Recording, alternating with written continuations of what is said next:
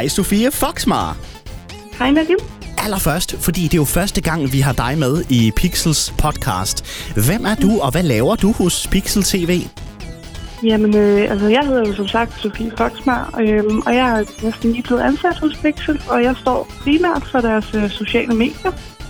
Øh, så jeg er deres øh, nye SoMe manager. Og så udover det, så har jeg altså fået lov til at lave, skrive nogle artikler og anmelde nogle serier og sådan. Så det er det, jeg laver. Og øh, Pixel TV har i hvert fald i min optik meget været fokuseret på det her med spil og gaming og udstyr mm. dertil. Men I er også begyndt at anmelde blandt andet serier fra Netflix. Hvorfor mm. er det også vigtigt for jer at følge med der? Det er fordi, at både, altså, jeg synes personligt, at både gamingkulturen og også altså, at andet kultur, altså både serier og film, de bare går virkelig godt hånd i hånd, så det giver bare super god mening, at man ligesom går ind og tager det hele. Altså, at man ikke bare lukker sig fast kun på et sted. Øhm, altså fordi jeg synes, der er rigtig mange serier, der ligesom giver noget af det samme, som spil også kan give. Derfor synes jeg, at det er vigtigt, at vi også kigger på dem. Og nu altså med en ny dansk komedieserie, der i dag, mm-hmm. den i hvert fald, hvor vi optager det, 8. juni, har premiere på Netflix. Den hedder Skruk. Og øh, jamen, måske et kort ris op af, hvad det er for en serie. Hvad handler den om? Ja, men altså, helt kort, så handler det jo om hende her, Nana, som er fertilitetslæge. Øh, og Nana, hun er en virkelig, virkelig god læge. Altså, hun forstår virkelig sine øh, klienter, som hun jo kalder det. Øh, og hun forstår at give dem den her ro i sig selv, øh, ved ligesom at fortælle om sine egne oplevelser som både mor og øh, kone og alt sådan noget. Øh, den store forskel er bare, at Nana, hun, er, altså, hun har ikke nogen børn, og hun har ikke nogen kærester. Og, altså, hun er bare en single kvinde, som bare for at give sine klienter en ro, fortæller dem, at hun har alle de her ting. Øhm, og så øh, handler det så om, at hun, øh, hun finder ud af, at hun måske ikke har så lang tid igen. Hun er alligevel 37 år, og hun begynder måske at nærme sig det sted, hvor hun ikke naturligt kan få børn mere. Og det lægger et pres på hende, fordi altså, det er aldrig noget, hun har overvejet før, at nu skal det måske til at være, hvis det skal være. Øhm, og helt tilfældigt, så møder hun så sin ekskæreste ude foran sit arbejde, Øh, hun arbejder lige ved siden af en sædbank, og han skal så derind og lige aflevere noget sæd. Og øh, ja, så kommer hun jo til at drikke sig en lille smule fuld sammen med sin veninde, øh, og det resulterer så i, at, øh, at hun simpelthen stjæler hans sæd fra sædbanken og inseminerer sig selv. okay, ah, det er et ret vildt plot alligevel. Jamen, det, det, det, altså, det er også det, jeg synes, der er så fedt, at det er et plot, som man ikke har hørt om altså før. Altså, det er lidt nyt, og det er lidt skørt, men samtidig så, de, altså, så er det bare mega sjovt. Og øh, er det egentlig, er det noget, I har tjekket, er det egentlig muligt at inseminere sig selv? Øh, altså, det er ikke noget, jeg har tjekket op på personligt, men når man ser det i serien, så virker det som om, at det, det kan man meget godt. Altså, nu har jeg hørt om kvinder, der har gjort det derhjemme med sådan bage, bageudstyr, Hva, hva? Hvor de har de der pipetter og sådan noget, så jeg tænker, at en rigtig læge nok også godt kan finde ud af det. okay, nå, vildt. øhm, jamen, øh, et, et follow-up spørgsmål. Altså, hvis vi, skal, hvis vi skal høre lidt mere ind til hovedkarakteren, som bliver spillet af skuespillerinde Josefine Park, hvor, mm. hvor god er hun i den rolle? Altså, hvad gør, at hun er spot on til den her fertilitetslæge, Nana? Mm. Altså, jeg synes, Josefine, Park, altså, vi har jo set hende før i serier som Doggy Style og sådan, hvor hun også har gjort det okay, men jeg synes virkelig, i den her serie, det virkelig, der brillerer hun bare. Altså, hun, hun giver Nana den her stressede læge, der er lidt op, altså, der er kommet lidt længere op i årene, og måske overvejer hele livet. Og hun giver hende bare sådan totalt relaterbar øh, karakter. Så man føler virkelig, at man kan se øh, Josefine i Nana, og Nana i Josefine. Øhm, så ja, jeg synes bare, hun gør det super godt i den her serie. Og altså, man må jo antage siden Netflix er dem, der kommer til at være der, hvor man kan se serien, har sagt ja til mm. at lave den, at der er nogle solide kræfter bag. Det er ikke hvem som helst. Altså, det, det må være nogen, der har et CV, hvor man ved, det er kvalitet.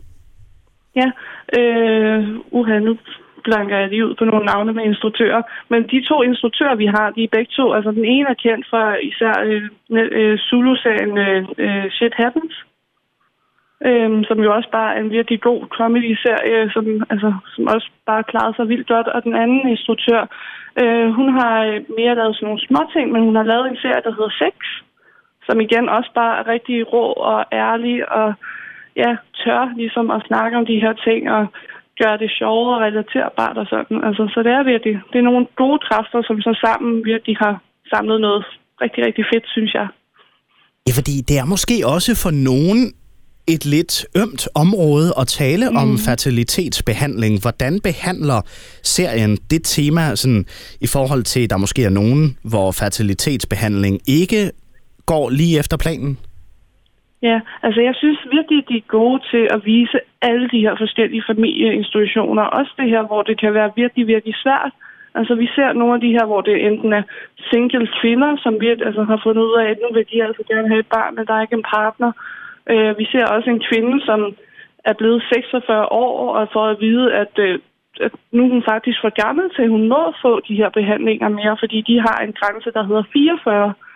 Øhm, og vi ser vennepar, der bare prøver at hjælpe hinanden, og vi ser øh, øh, kvinde-kvinde-situationer, vi ser mand-mand med donor-situationer. Altså, så jeg synes virkelig, der er god til at gøre det ægte og vise, at det her det er virkelig det er en kamp for rigtig mange mennesker. Øh, og det er måske også en kamp, som ikke bliver snakket så meget om i det daglige basis, fordi det er et rigtig, rigtig ømt punkt for mange mennesker. Så jeg synes, det er bare rigtig fedt, at vi får en serie, som også lægger vægt på, at det der med at få børn, det er bare ikke lige nemt for alle. Altså, så og det er, ja. Jamen, så, så selvom det ud fra i hvert fald, hvad jeg har læst, at Netflix præsenterer serien som, som komedieserie, så er der mm. også alvorlige elementer. Ja, altså jeg læste øh, nogen, der kaldte det for en, øh, dra- en dramedy, som de sagde. Altså, og der vil jeg også give dem ret, fordi det er nogle seriøse emner, og jeg synes virkelig, at den her serie formår de også at altså, virkelig give, give det det grundlag, det har brug for. Altså, det er sjovt på rigtig, rigtig mange punkter. Men jeg vil da lyve, hvis jeg sagde, at jeg ikke sad med en lille tår i øjnene nogle gange.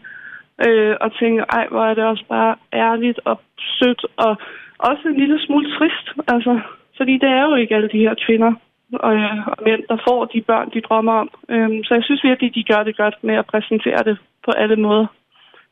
Og så sad jeg og tænkte på, om det her spørgsmål måske virker lidt, lidt dumt, når altså, der er jo ikke efterhånden noget, der kun er en kvindeting og en mandeting, mm-hmm. men alligevel så tillader jeg mig at spørge om det, fordi jeg er jo en mand, og tænker måske mm. ikke, jeg har ikke sat, så, sat mig så forfærdeligt meget ind i det der med fertilitetsbehandling.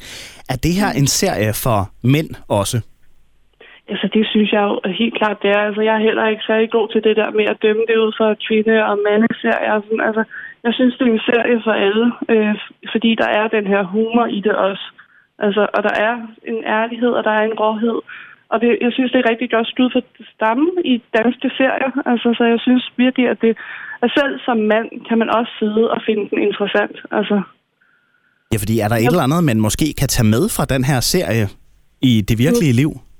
Ja, men det er jo helt klart det her med, at, altså, at tingene går måske ikke efter ens hoved altid, og det kan være, at det er svært at planlægge. Vi kan alle sammen sidde med en eller anden drøm om, at jeg skal det og det og det inden for visse antal år.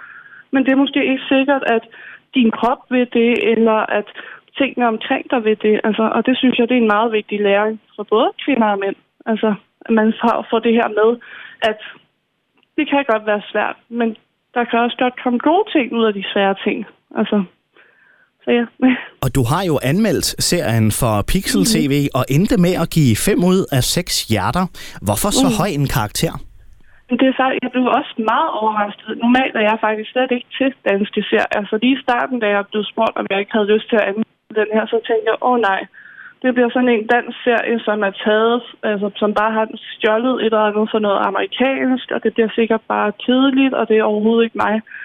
Men jeg sad virkelig og altså, virkelig blev bundet til den her historie. Jeg blev bundet af altså, Josefine Part som Nana. Jeg blev bundet til de relationer, karaktererne havde over for hinanden, og jeg blev især bundet af altså, altså de her ægte historier, som det føltes at være. Øhm, så jeg tror bare, altså, når jeg havde det sådan lidt, når jeg ser en serie, som både kan få mig til at grine og fælde en lille tårer og virkelig overveje hele min verdenssituation, så er jeg bare nødt til at give den nogle gode karakterer. ja, simpelthen. Er det sådan ja. en serie, man håber, der kommer en sæson 2 af? Ja, altså, nu vil jeg jo ikke afsløre for meget, men jeg vil da sige, at den lægger meget, meget stærkt op til, at der burde komme en sæson 2. Okay. Øh, nu har der jo lige været alt det her med, at Netflix øh, cutter alle ties med danske serier og sådan noget. Men jeg håber da på, at vi kan få lov til at få en sæson 2. For jeg synes virkelig, altså, altså den ligger op til, at der godt kunne være en sæson 2, men samtidig så lægger den også op til, at måske det er bare dig, der skal have lov til at overveje, hvordan den slutter selv. Måske skal instruktøren ikke fortælle dig, hvordan det slutter. Måske skal du selv få lov til at tænke, at det er det, der sker i fremtiden. Okay, Men jeg, okay. jeg håber på en sæson 2. Jamen, øh, i første omgang, så kan man jo tage de, øh, ja, hvad er der? Små seks afsnit, eller noget i den stil? Ja, seks, øh, seks afsnit, ja. Så det er jo ja, nærmest på en aften, hvis man virkelig er hardcore, men lige kan se dem igennem. Ja, ja, altså hver episode var jo de her 30 minutter, så det er virkelig, altså det er let spiseligt. Jamen, øh, Skruk har premiere her den 8. juni. Det er dagen, hvor vi optager det her afsnit af Pixels. Tilgængelig på Netflix. Bare søg efter Skruk. Sofie Foxmar, tusind tak, fordi at, øh, du var med til at fortælle om Skruk. Jamen tak, fordi jeg måtte være med. Tusind tak til dig, der har lyttet med. Det her var altså en udgave af podcasten Pixels i samarbejde med Pixel TV.